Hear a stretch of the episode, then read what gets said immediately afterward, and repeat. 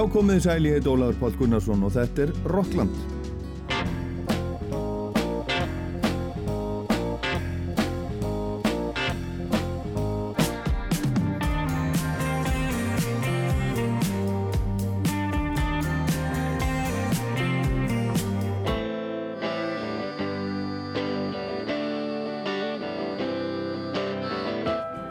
Í þættum í dag heyrum við alls konar vegna þess að það er svo skemmtilegt. Við heyrum í Japanese Breakfast, Jackson Brown, heyrum nokkur lög af nýju plötunni frá Manic Street Preachers frá Wales og nokkur lög af nýju plötunni frá hljómsveitinni Low sem kemur frá Duluth í Minnesota. Heyrum aðeins í Oasis á tónleikum og í Damon Albarn, nýtt og eitthvað fleira. En byrjum á, á nýju lægi frá íslensku hljómsveitinni Kull hana skipa Heiðar Örd Kristjánsson Heiðar úr Botleðju Helgi Rúnar Gunnarsson Háldan Árnarsson og Skúli Gíslason þeir hafa verið að spila svolítið undanfarið, eru búin að taka upp nokkur lög og þetta er fymta lægi sem þeir senda frá sér undir þessu nöfni Kull og Heiðar segir að þetta sé svona melankólískur haustnæsari þar sem þungt hugarástand textans svífur yfir fallegri melodíu og góðu grúi. Þetta heitir Into the Grey.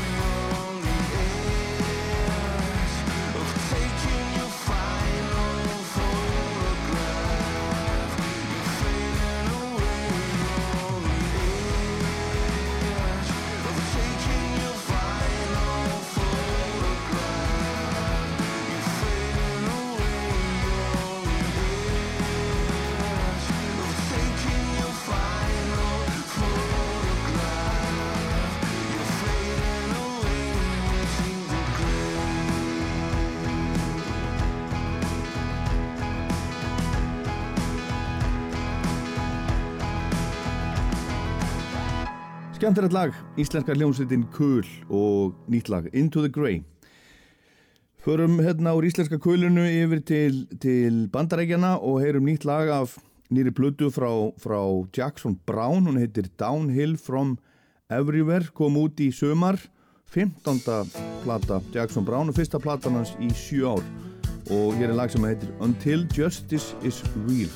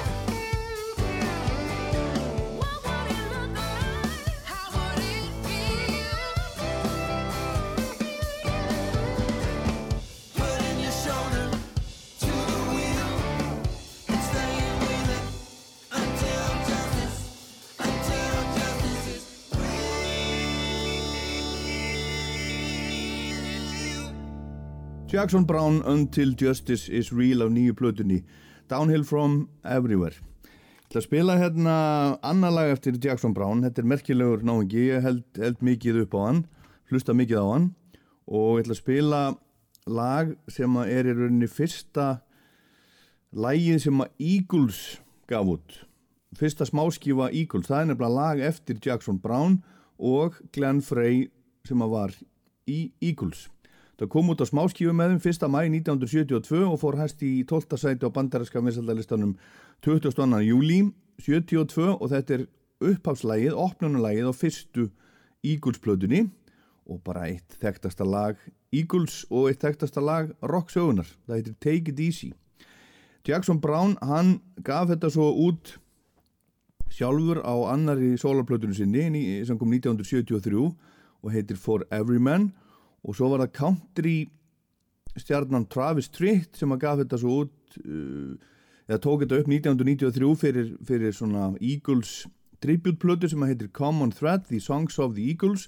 Og hann gerði myndband og fekk alla fimm meðlimi Eagles með sér í myndbandið. Og það var í fyrsta skipti í 13 ár sem að þeir komu, komu saman, hljómsveitin hætti í Ítlindum á sínum tíma og, og svo þeir myndu aldrei koma saman aftur en hann kom þeim saman í þetta myndband og það var svo til þess að þeir hljómsveitin kom saman nokkuru mánuðu setna og er búin að vera meira og minna starfandi alla götur síðan þá.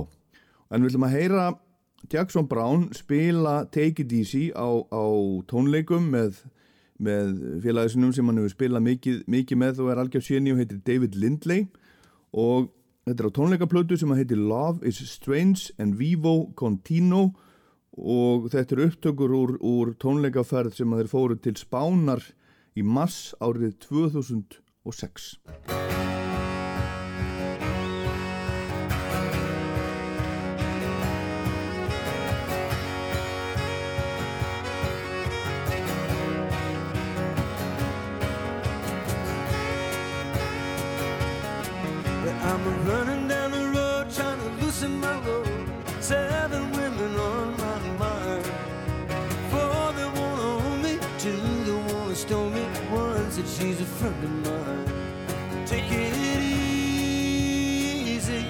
take it easy. Don't let the sound of your own wheels drive you crazy. Lighten up while you still can. Don't even try to understand. Just find a place to make your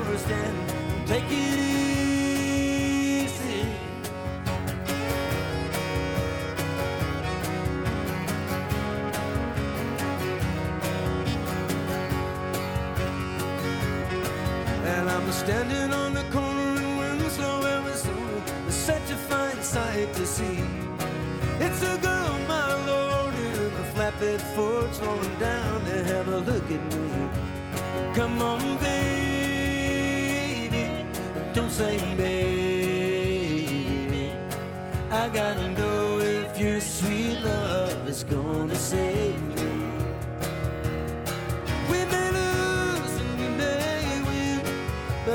Will never be here again. Open up, I'm climbing in to take it easy.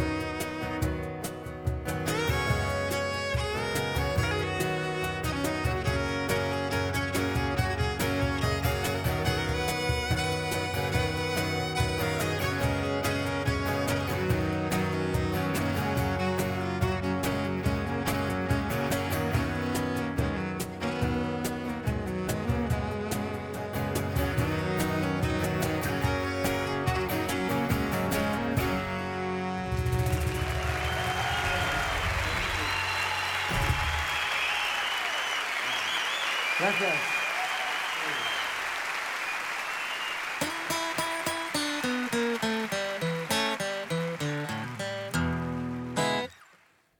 Ég kalla Bubi Mortens, þú ert að hlusta á Rockland þar sem á Óli Palli ræður ríkjum. Ég hef lengi haldið upp á veldsku hljómsveitina Manic Street Preachers eða líklega alla götu síðan Andrea Jónsdóttir, vinkun okkar allra, gaf mér eintak af fyrstu plötunni þeirra, Generation Terrorists, á Vínil árið 1900 og eitthvað fyrir, fyrir langa, langa löngu. Platan var ekki alveg ný en hún kom út í februar 1992, hún var allavega svona nýleg. og plani hjá hljómsveitinni var ef ég mann rétt að gera bara þessa einu plötu, selja hana í massavís og hætta svo. En reyndin raunur, hljómsveitin sem er búin að vera starfandi síðan 1986 er enn í fulli fjöri og nýjasta platan þeirra, The Ultra Vivid Lament, er 14. hljófusplatan þeirra og hún byrjar svona. I'm walking on my own. It's 1993. The heavy snow is falling like an angel over me. I see it all through a video camera filter. It feels so real like cheap gold and glitter. There are no holes in my recollections. A time has stopped and is perfectly frozen. These days may never come again. My optimism resembles a dying flame.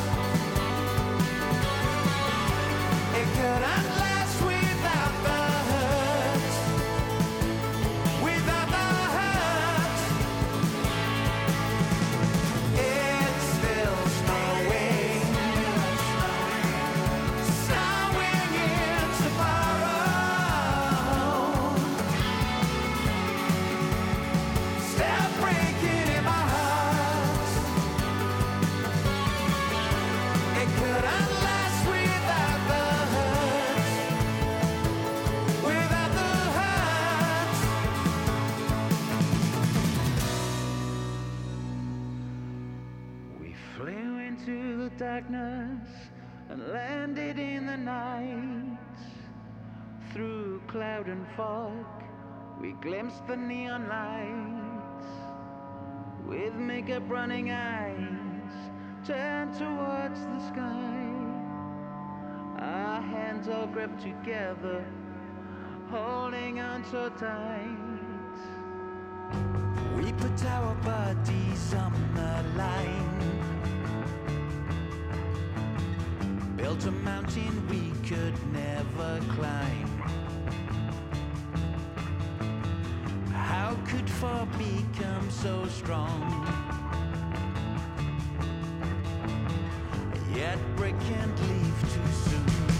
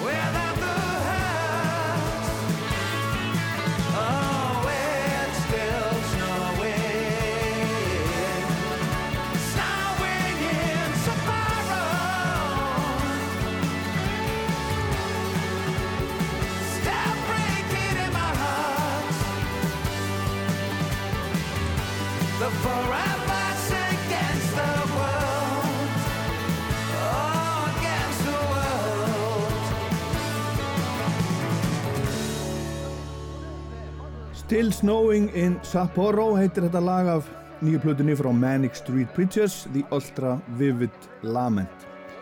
Þessi plata er léttari en margar fyrir plötur sveitarnar þetta er, þetta er rock. Manic Street Preachers er rockljómsveit en það er ímislegt sem minnir á ABBA á þessari plötu. Og gaggrinandi Evening Standard saði meðal annars í gaggrinandi sinni að þeir sem að vera að halda niður í sér andanum í byði eftir nýju ABBA plötunni ættu kannski að tjekka á þessari. Sérilagi uh, fyrst með þessi ABBA áhrif heyrast í læginu sem við heyrum næst og heitir The Secret He Had Missed og Julia Cummings söngkona hljómsveitar sem heitir The Sunflower Beam syngur með James Dean Bradfield söngvara hljómsveitarinnar. Skemmtilegt lag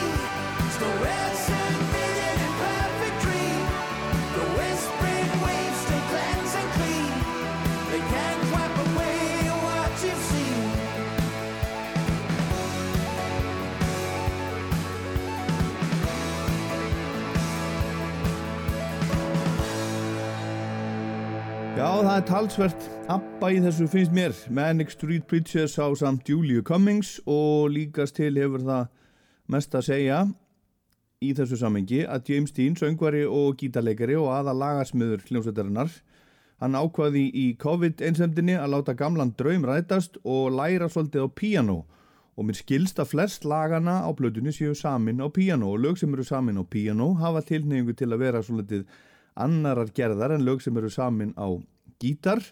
Ég held að flestir tónlistamenn þekki þennan, þennan mun. Það verða til öðruvísi lög þegar samið er á, á píanum en þegar samið er á gítar. Platan sem átti að koma út í sumar kom ekki út fyrir 10. september út af emitt, COVID. Sveitin sendi síðast frá sér blödu 2018 hún heitir Resistance is Futile. En þessi hljómsveit Manic Street Preachers kemur frá litlum bæ í söður Wales sem að heitir Blackwood er aðeins stærri en Akranes. Að búa hérna svona tæplega 9000 manns. Upptökustjóri eh, nýju plötunar er Dave Eringa sem vann fyrst með Manic Street Preachers á plötunni Gold Against the Soul ára 1993 annari plötunu þeirra. Og hann hefur síðan unni til dæmis með hljómsveitum eins og Low Gold ef einhver mann heitir henni, Northern Uproar, Idlewild, Kylie Minogue, Roger Daltrey úr The Who og fleirum. En þessi hljómsveit hefur alltaf verið talin frekar vinstri sinnuð og textarnir hafa borið þess vitni og ímislegt sem að þeir hafa sagt þessi þrý náungar sem að eh, skipa sveitina, trommarinn Sean Moore, söngurinn og gítarleikarin James Dean Bradfield og ekki síst bassaleikarin og og textahöfundurinn Nicky Wire.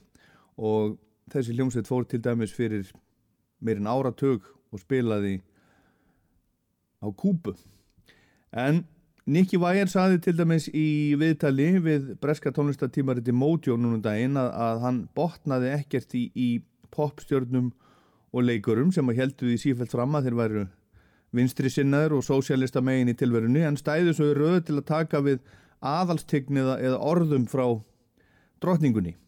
Ég myndi frekar stinga úr mér augun með blíjandi en að standa í þeirri röð, sagði Nicky Wire.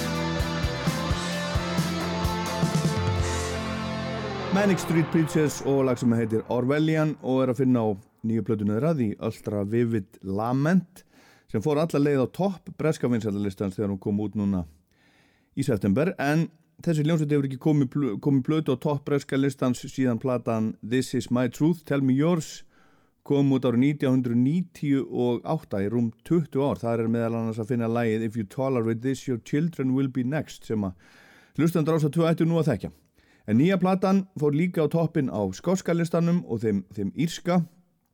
Þeir eru mjög vinsalir á Bretlandsegjum og svo ætlaði þeir í stutta tónleikaferðum Bretland núna í oktober og einhverja tónleika ætlaði að spila þar sem ágóðin rennur beint til breska heilbriðiskerfisins vegna COVID að sjálfsögðu.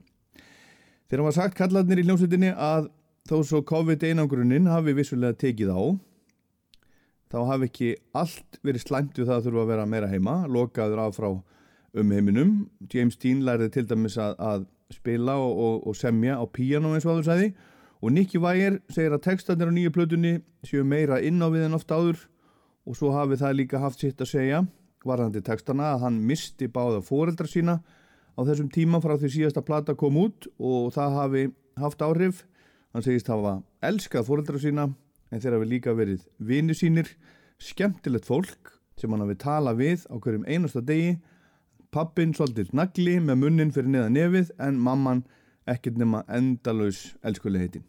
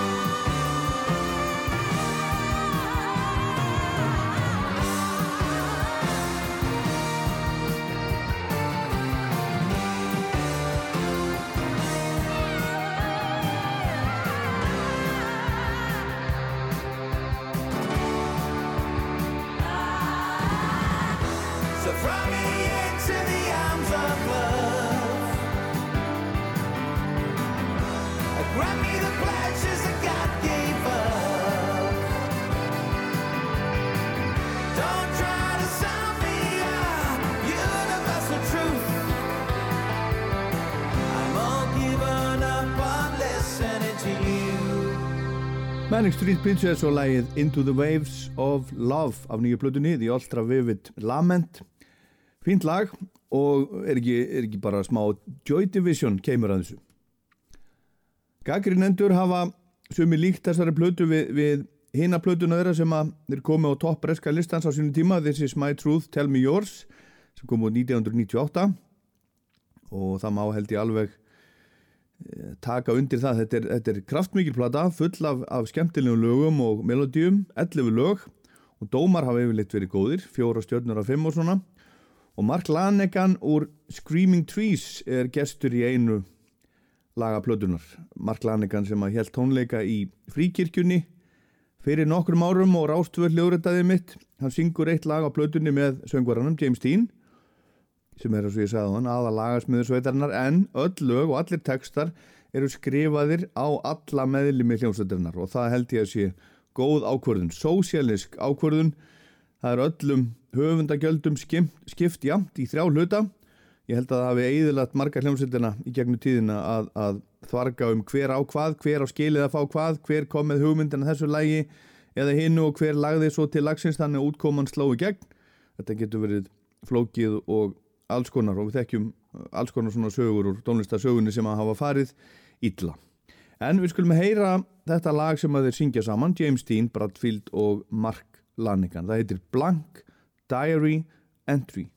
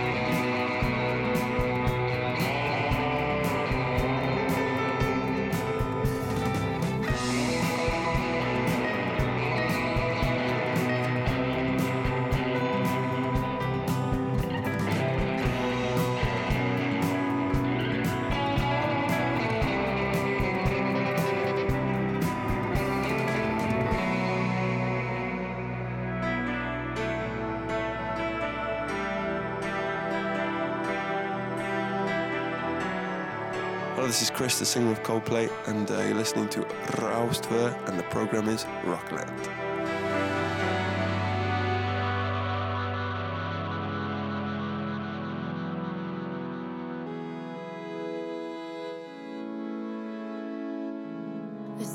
Came slow.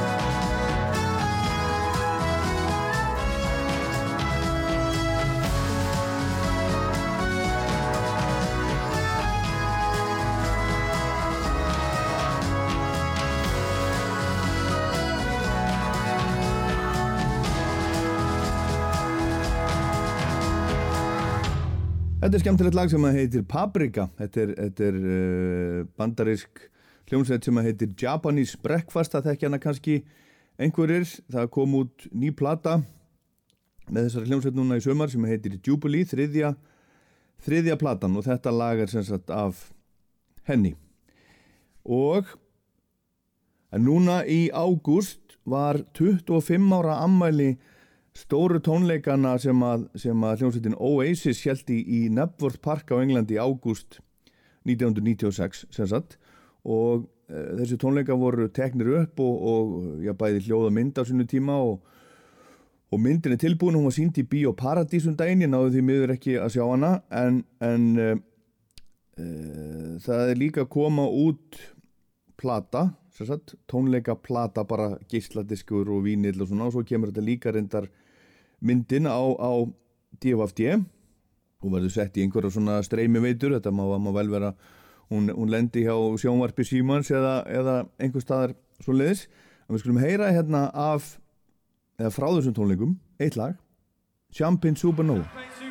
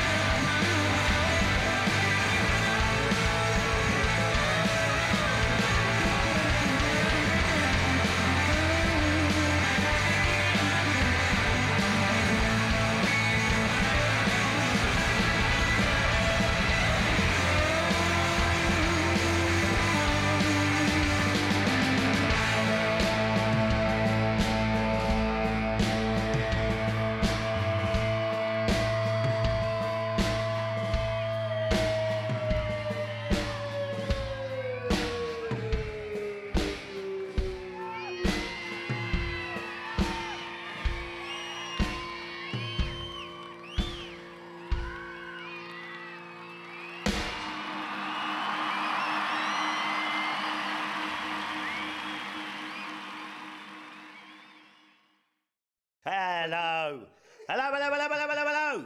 Johnny Rotten here. Hello, Rockland. How you doing? Have a bang of this number, baby.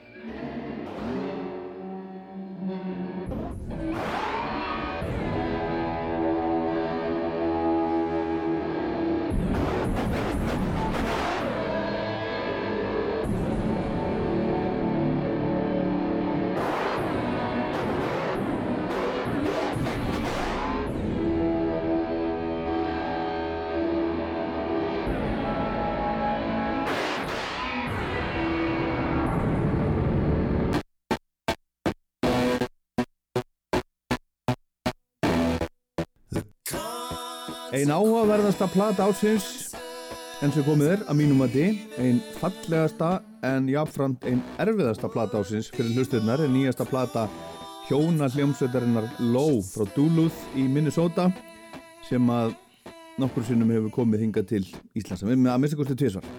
Low hefur verið starfandi frá árinu 1993 kemur frá Duluth í Minnesota sem er gamli heimabærin hans Dillans. Bob Dylan fættist þar og bjóð með fóröldur sínum þangað til hann var 6 ára gammal en þá veiktist pappi litla Bobs af lömunaveiki og litla fjölskyldan flutti til heimabæjar mömmans Hipping í Minnesota.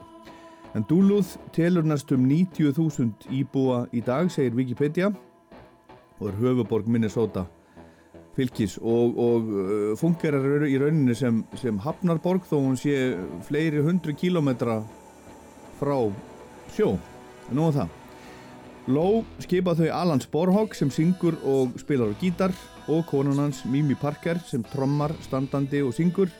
Þriði maðurinn er svo alltaf bassaleikari, það var alltaf verið tríó en þeir hafa verið nokkrir sem hafa, hafa gengt stöðu bassaleikari gegn tíðina, sá síðasti heitir Steve Garrington og var með frá 2008 á alveg þangað til í fyrra, en þá heita. Low var í farabróti hljómsveita sem að byggur til músík sem að var kölluð slowcore til aðgreiningar frá öðru rocki, þetta er rockljómsveit í grunninn sem hefur í gegnina spilað svona frekar lágt og mjúkt og sömur vilja meina að slowcore hugtækið hafi verið búið til í kringum þessa hljómsveitrinja, low. En eins og yfirleitt er með hljómsveitir þá vilja þar alls ekki láta setja sig ofan í einhverja skúfu og þau vilja alls ekki láta kalla tónlistina sína slowcore, segja það kemur okkur bara ekkit við. En Low er yfirleitt svona á rólegu nótunum, taktlega séð, söngurinn er íðil fagur að vanda en hljóðheimurinn sem að þau búa til á nýju plötunum sinni er bjagaður og rifinn á þann hátt sem maður hefur ekki heyrt svo mikið áður. Led Zeppelin til dæmis vakti aðtikla svona tíma fyrir, fyrir rosalega kraftmikið sound og bjögun í upptökum, Distortion, þar sem hljóðupptakan var höfð svo há inn á segurbandið sem tekið var upp á að hljóðið var eins og klest í toppin á segurbandinu fyllti úti í segurbandið að við skiljið hvað er að fara. Þannig að þetta uh, bjagast allt. Útkoma var til dæmis svona nett bjagaðar trommur. Þetta hefur svo miljónsinu verið notað síðan var nýtt fyrir hálfröld en nú er ló að róa finnst mér á samskonar bjöguna mið á nýju plötunum sinni nema hvað nú er bjögunin ekki analóg eins og hjá Led Zeppelin Það er ekki verið að taka upp á segulband, heldur bara beint á tölfur, ger ég ráð fyrir og bjögunin er digital, stafræn bjögun, digital distortion. Og músikinn verður einhvern veginn svona fallega ljót, ljót verður fallegt, en dæmi hver fyrir sig, þetta er svolítið erfitt en látið ykkur, ykkur hafa. Skulum byrja á að heyra lag sem að heitir Days Like These og mér finnst þetta alveg frábært. When you think you've seen everything,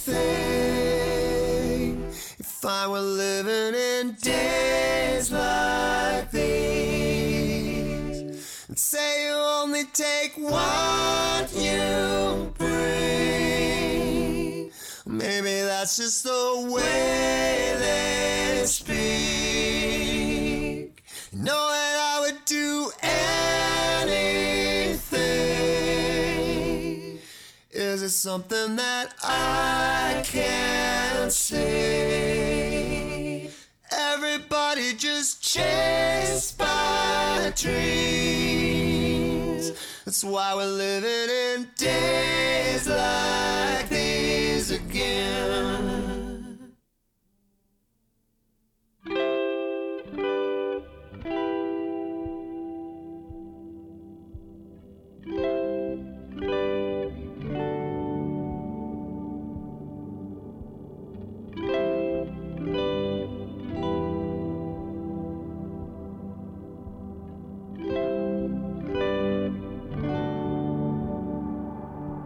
Isn't something you can choose between. It isn't coming in twos and three. Always looking for that one sure thing. Oh, you want it so desperately. You know you're never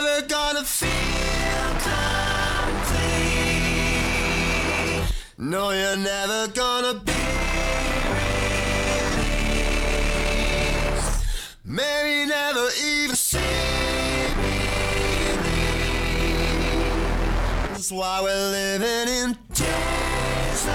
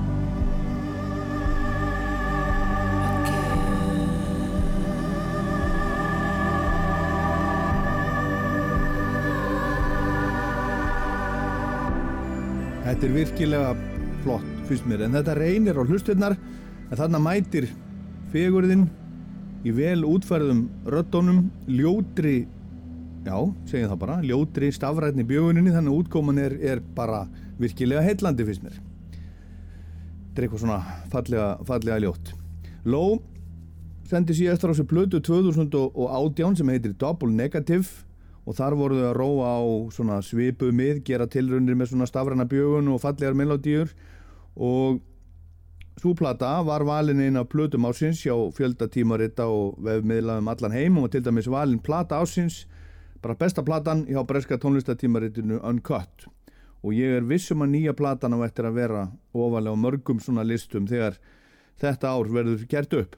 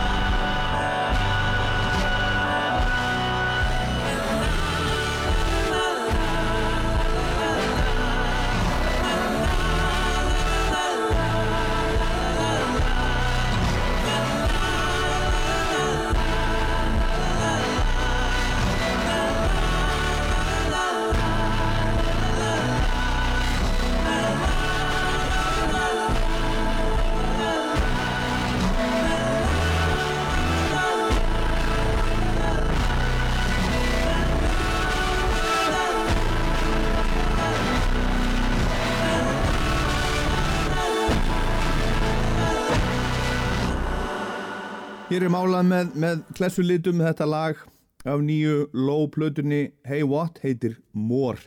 Þetta gæti auðvöldlega verið, verið jólalag eftir, eftir ABBA til dæmis en klætti þennan svolítið erfiða búning. Það er eins og eitthvað sé reynlega bilað í laginu. En þetta á að vera svona. Fallega ljótt og heillandi finnst mér. Upptökustjóri nýju plötunar og síðustu tveggja platna hjá þeim Ones and Sixes frá 2015 og Double Negative sem kom úr 2018 náungi sem heitir BJ Burton. Og svona upptökustjórar skipta þetta miklu máli þegar það er verið að gera músík bara eins og leikstjórar þegar það er verið að gera kvikmynd eða setja upp leikrit. En þessi náungi BJ Burton hann hefur til dæmis unni talsvert á undanförnum árum með Taylor Swift, Miley Cyrus og Bon Iver gerði með honum tvær nýjustu plötunar hans og það er hljóma allt öðruvísi en þessar tvær síðustu Low-plötur. En Low hefur alltaf verið með topp upptökustjóra með sér, eða yfirleitt Steve Albini sem gerði til dæmis In Utero með, með Nirvana, var með þeim á, á tveimur plötum og Dave Fridman sem hefur unni mikið með Flaming Lips til dæmis og Mercury Rev gerði tvær plötur líka með hljómsveitinu.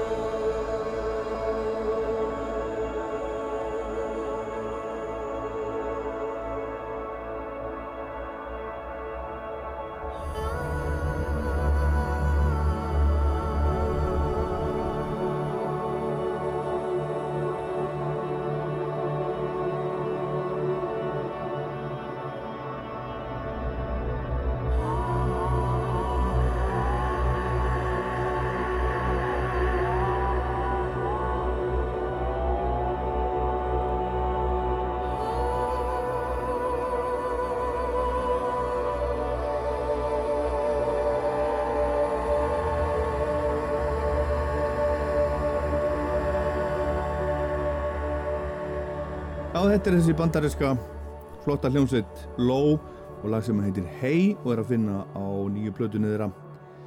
Hey What sem var að koma út, þetta hljómar halvpartinn eins og, eins og sálmur, bara svolítið skrítin sálmur fallegur en svolítið ljótur í liðinni, heitlandi mér finnst þetta virkilega heitlandi plata. Og þetta eru hjón sem að skipa hljómsveitin eins og áður sagði. Alan Sporhog og Mimi Parker. Þau eru mormónar, eru búin að þekkjast og í raun vera par síðan þau voru unglingar, heila bara síðan þau voru krakkar. Og þau halda, halda hópin, halda áfram bæði sem hjón og hljómsveit og þau segja í viðtali við nýjasta hefti Mótjóblaðsins að í rauninni sé hljómsveitin hjónabandið. Ló hefur alltaf verið tríó, það hefur alltaf verið bassarleikari með þeim en þeir hætta allir á, á endanum. Það er öruglega ekki auðvelt að vera þriðja hjól í hljómsveit þar sem hinn tvö eru hjón og þau hafa gengið í gegnum eitt og annað í lífinu eins og, eins og gengur. Allan fekk, fekk tauga áfall fyrir nokkrum árum og er búin að vera að díla við það síðan. Og segir í viðtælinu í Mojo að, að tónlistin sé í raun bjargvættur sinn. Eins og ég sagði á hann þá hefur þessi hljómsveit að minnstakosti tvísvarsinu komið og spilað á Íslandi. Ég man að ég sá þau spila í háskóla bíói með Sigur Rós líklega árið 2000 og svo spilaði Ló á NASA 4. apríl 2008 og Rás 2 hljóðritaði þá tónleika og við skulum kveðja Ló með því að heyra eitt lag frá þeirri upptöku frá þeimur tónleikum. Það heitir Sunflower og kom upp á lót á plötunni Things We Lost in the Fire árið 2001 og þarna er, er fegurðin allsráðandi engin ljótleiki eins og á nýju plötunni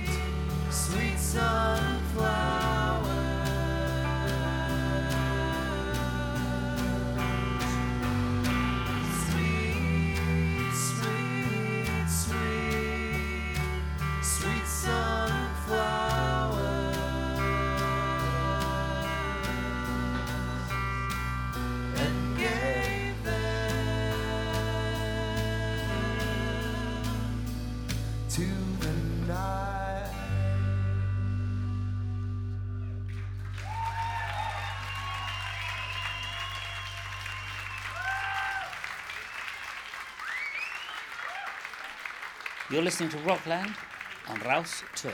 This is Jules Holland. Thank you.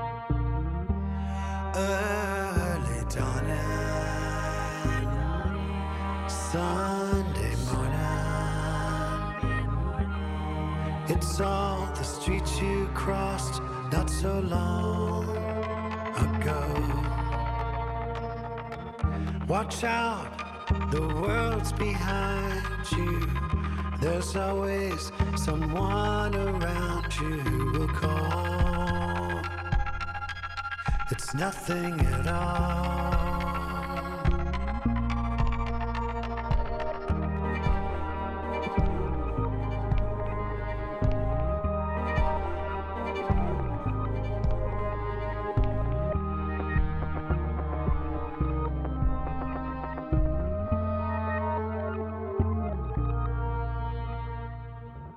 Watch out, the world's behind you. There's always someone around you who will call. It's nothing at all.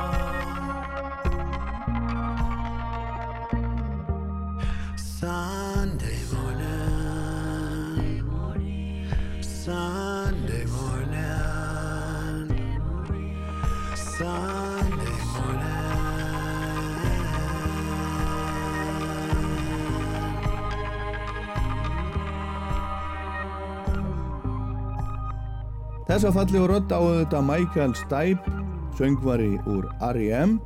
og lægið er eftir Velvet Underground, þetta er af nýri plötu sem var að koma út og heitir I'll Be Your Mirror, a tribute to the Velvet Underground and Nico og þetta kom út núna í tengslum við alþjóðlega plötubúðadaginn í takmarkuðu upplægi á gulum vínil og svartum, og svörtum vínil og þarna eru flytjandur eins og Michael Stipe, Matt Berninger úr, úr uh, National Sharon Van Etten og Angel Olsen Kurt Weill, St. Vincent Thurston Moore og Bobby Gillespie eru þarna saman Courtney Barnett, Fountains DC, Iggy Pop og Matt Sweeney og hljómsveit sem heitir King Princess og ég ætla að spila spila lag lagið sem þau taka á þessari þessari blödu King Princess er, er, er bandarist tónlistakona frá, frá Brooklyn og hún er á samningi hjá blödufyrirtækinans Mark Ronson sem að vann til dæmis með Amy Winehouse og hefur gert margt alveg ótrúlega ótrúlega flott. Og svo ég segi þannig enn en eins og niður þá stóð hann upp á sviði með, með Yoko Ono í háskóla bíói í sjötu samanli Lennons fyrir nokkrum árum þar sem að Jón Gnarr var, var líka til dæmis og, og Ringo Starr en skulum heyra King Princess taka There She Goes Again.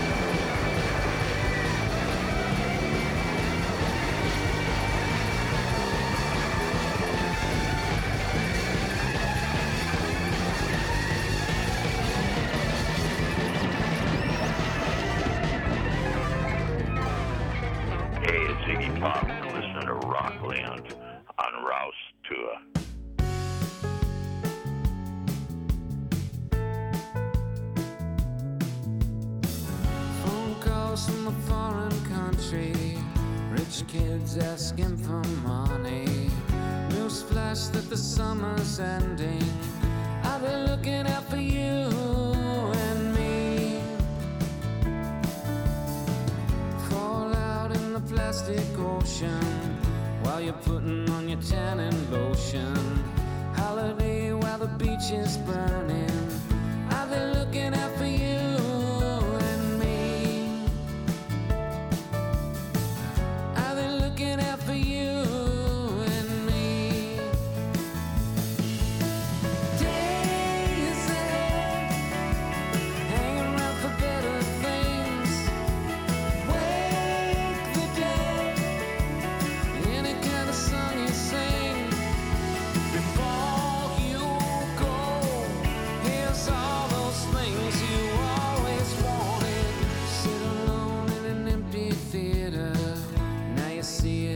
much clearer. A sad film with a happy ending. I've been looking out for you and me. Silent prayers and words of guidance. Finding peace in a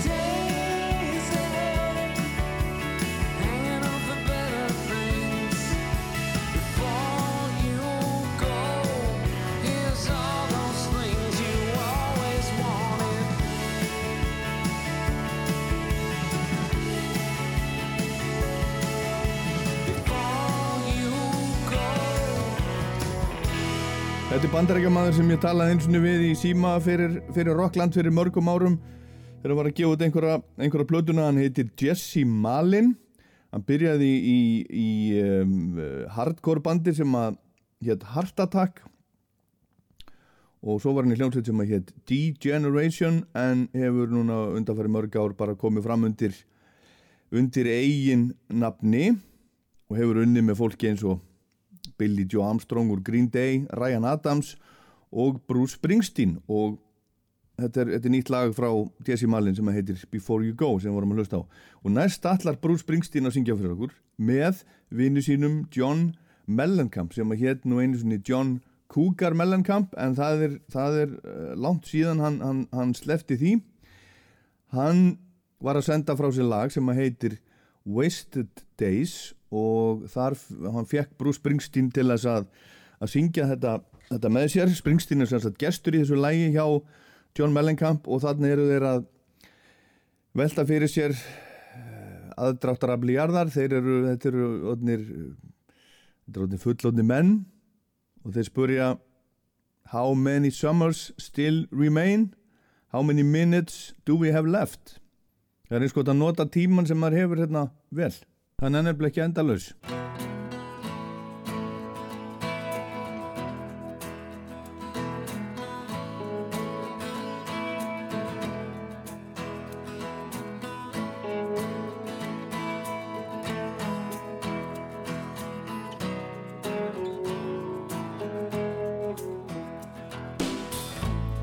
How many summers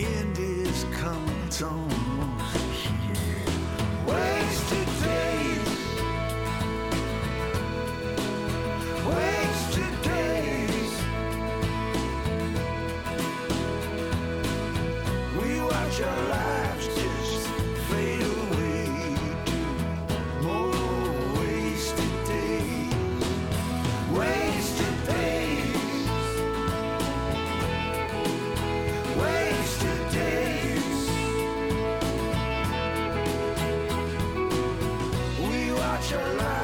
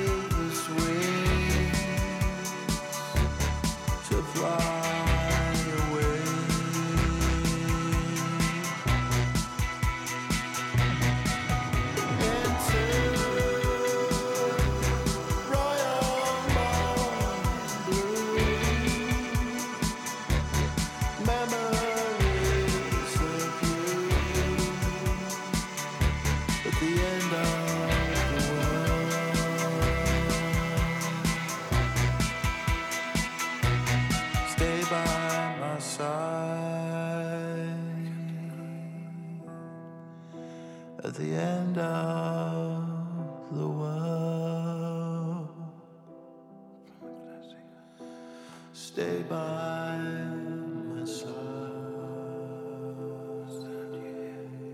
Þetta er Íslandingurinn Damon Albarn, Damon úr Blur, Damon úr Gorilla sem er orðin íslensku ríkisborgari. Hann er búinn að vera, vera já, hann er búinn að vera hérna á Íslandi uh, svona meir og minna af og til, ekki meir og minna kannski en af og til og eiga hérna hús í, í bara 20 ár eða, eða eitthvað svo leiðis og þetta lag sem við höfum hérna sem heitir Royal Morning Blue er að finna á plötunans sem er að koma út. The nearer the fountain, more pure the stream flows. Og þetta er plata sem er samin undir áhrifum frá Íslandi og það með sér ein, ein, ein platan, ein, eitt lagið heitir með sér Esja. Og hann ætlar að spila þessa plötu, hann ætlar að halda tónleika, hann ætlar að gera það í massa á þessu ári en það er búið að færa þá yfir á næsta ári, það er þetta að fá miða á, á Tix. Og annar Íslandingur hérna næst sem að er að gera sína aðra sólarplötu núna eftir 21 ás hlje og hún heitir á Norðurkvili, hún hefur verið á teiknaborðinu lengi og tónlistamæðurinn heitir Jónas Björgvinsson og hann hefur verið að gera þessa plötu í samstarfi við upptökustjóran og, og gítarsjennið Ómar Guðjónsson og á plötunni sem inni heldur nýju lög syngur Jónas og, og spilar á munnhörpu og kassagítar. Og þannig eru með honum Tómas Jónsson snillingur á píano og orgel. Birgir Baldursson snillingur á trommur. Auk þess sem að Ómar spilar á gítara og túbu og bassa og slagverk og ímestlegt fleira. Hans Július Þórðarsson og Tindra Gná Birgistóttir syngja bakrættir á þessari plötu Ómar sá um útsetningu lagana og, og um upptökustjórn og skagamadurinn Orri Harðarsson sá um hljóðblöndun. Og hún er að mestu leiti tekin upp, segir Jónas í hljóðveri Ómars stúdíu Hofstaðir í Garðabæ en einni í hljóðveri Jónasar hljóðver.is á langkválsveginum og Ólaf Erla Einarstóttir þetta er mikil fyrir þetta tilkynning frá Svart Design sá um ljósmyndir og hönnun umslags. og forsíðu umslagsins er gömu ljósmynd af Ava Jónasar Júliusi Þórðarsinni skagamanni á forláta Harley Davidson móturhjóli á Langasandi með Akrafjallið í baksinn, flott mynd en Jónas er einmitt fættur og upp alinn á Akranesi og Avans þessi sem er á móturhjólinu, Júli Júli á grund, hann kendi Jónasi á munnhörpu og hafði mikil áhrif á, á tónlistarafóa hans. Og núna 5. daginn 7. oktober næstkomandi þá kemur út fyrsta lag plötunar og þá á Jónas er mitt 50 ára afmæli en, uh, en platan kemur út 4. november og þetta fyrsta lag sem ég ætla að spila núna er tilengað mömmu Jónasar sem hafði líka mikil áhrif á, á tónlistar á hans og heitir Edda Júliusdóttir en Jónas hefur starfað við tónlist með hljöfum allt frá árun 1992 og gaf út sína fyrstu sólarplötu haust árið 1998 en þá undir hljómsveitarnafninu Um Hum. Hún vakti þó nokkur aðtikla þessum tíma og fekk ágæti stóma en við skulum bara heyra þetta lag hans Jónasar sem heitir Minning hljómar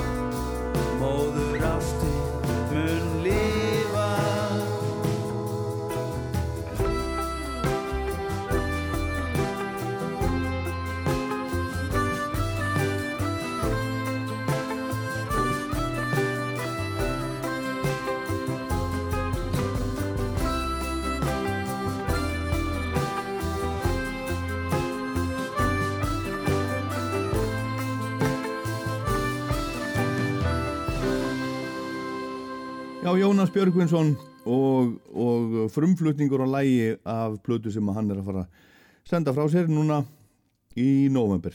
Þetta var, var tilengað mömmans, minning hljómar heitir þetta. En þá er Rocklandi að vera búið, við ætla að enda á Björsa Tór vegna þess að núna verður gítarama, gítarhátti Björsa Tór, haldin í 20. sinn í, í heldina en þessi hátíð hefur farið fram hérlendis í Kanada, í Bandaríkjónum og í Noregi og Björsi segir í frettatilkynningu ekkert verður til sparað þegar Björn snýr aftur í heimabæin þar sem hann sleit fyrstu strengina menningarhúsi Bæjarbíó verður fyrir valinu þar sem glæsilegur hópur tónlistamanna kemur fram á gítarama 30. oktober og þeir sem að koma fram eru Óskar Lógi úr Vintage Caravan Unnur Byrna, bassadóttir sem hefur spilað með Jethro Tull og, og Fjallabræðurum til dæmis Þórður Átnason, Þussaflokkurinn Stöðmenn og fleira. Jóhann Helgarsson ætlar að koma þarna fram. Hann, hann er þetta helmingurinn af þú og ég með, með Helgu Möller og helmingurinn af Magnús og Jóhanni og hann var í Chains. Og svo er það Reynir Haugsson, Flamingo, gítarleikari á heimsmæli hvarða og Birgir Rapsson sem var í Ævintýri og Chains og Svanfríði og, og Pops til dæmis. Og svo verður hérna líka hinn alþjóðlega og heimsfræga sveit segja þeir í frettatilkynningunni Gítar Íslandsjú og þeim til fulltingis eða þessum gítarleikurum öllum verður, verður rithmaparið Skúli Gíslason á trommur og Sigurger Skafti uh, sem að spilar á bassa. Og þeir teljast til öbluri hrín para landsins um þessa mundir. Svo eins og öllum stærri og betri viðbörðum þá verður sjálfsögðu leini gestur Erlend Stjarnar en þetta verður sem sagt í, í eh, bæjarbíói Gítarama Björsatór 30. oktober tónleikundan hefðast klukkan 20 húsið opna 1930 og að loknum tónleikum er hægt að tilla sér í Mattísen stofuna og hafa það ansi reynd notalegt. Og miðarsala er á tix og við hurð ef það verður ekki uppselt. En ég ætla að enda á lægi eftir Lennon og McCartney. Bjössi nefnilega gaf út bítlaplötu fyrir nokkur árum þar sem hann spila nokkur á uppáhalds bítlalögunum sínum og við endum á, á Here, There and Everywhere. Og svo minni ég á Rockland á Rú.is í Rú spilaranum Rú appinu og hlaðvarp á, á Spotify til dæmis. Og Rockland mælir með lagalistan á Spotify sem er tilvalið að, að fylgja í uppfæran í í byrjum hvers mánuðar er ekki búin að ég reynda núna fyrir oktober, það kemur að því en ég heit Ólafur Pótt Gunnarsson. Þetta var Rockland, takk fyrir að hlusta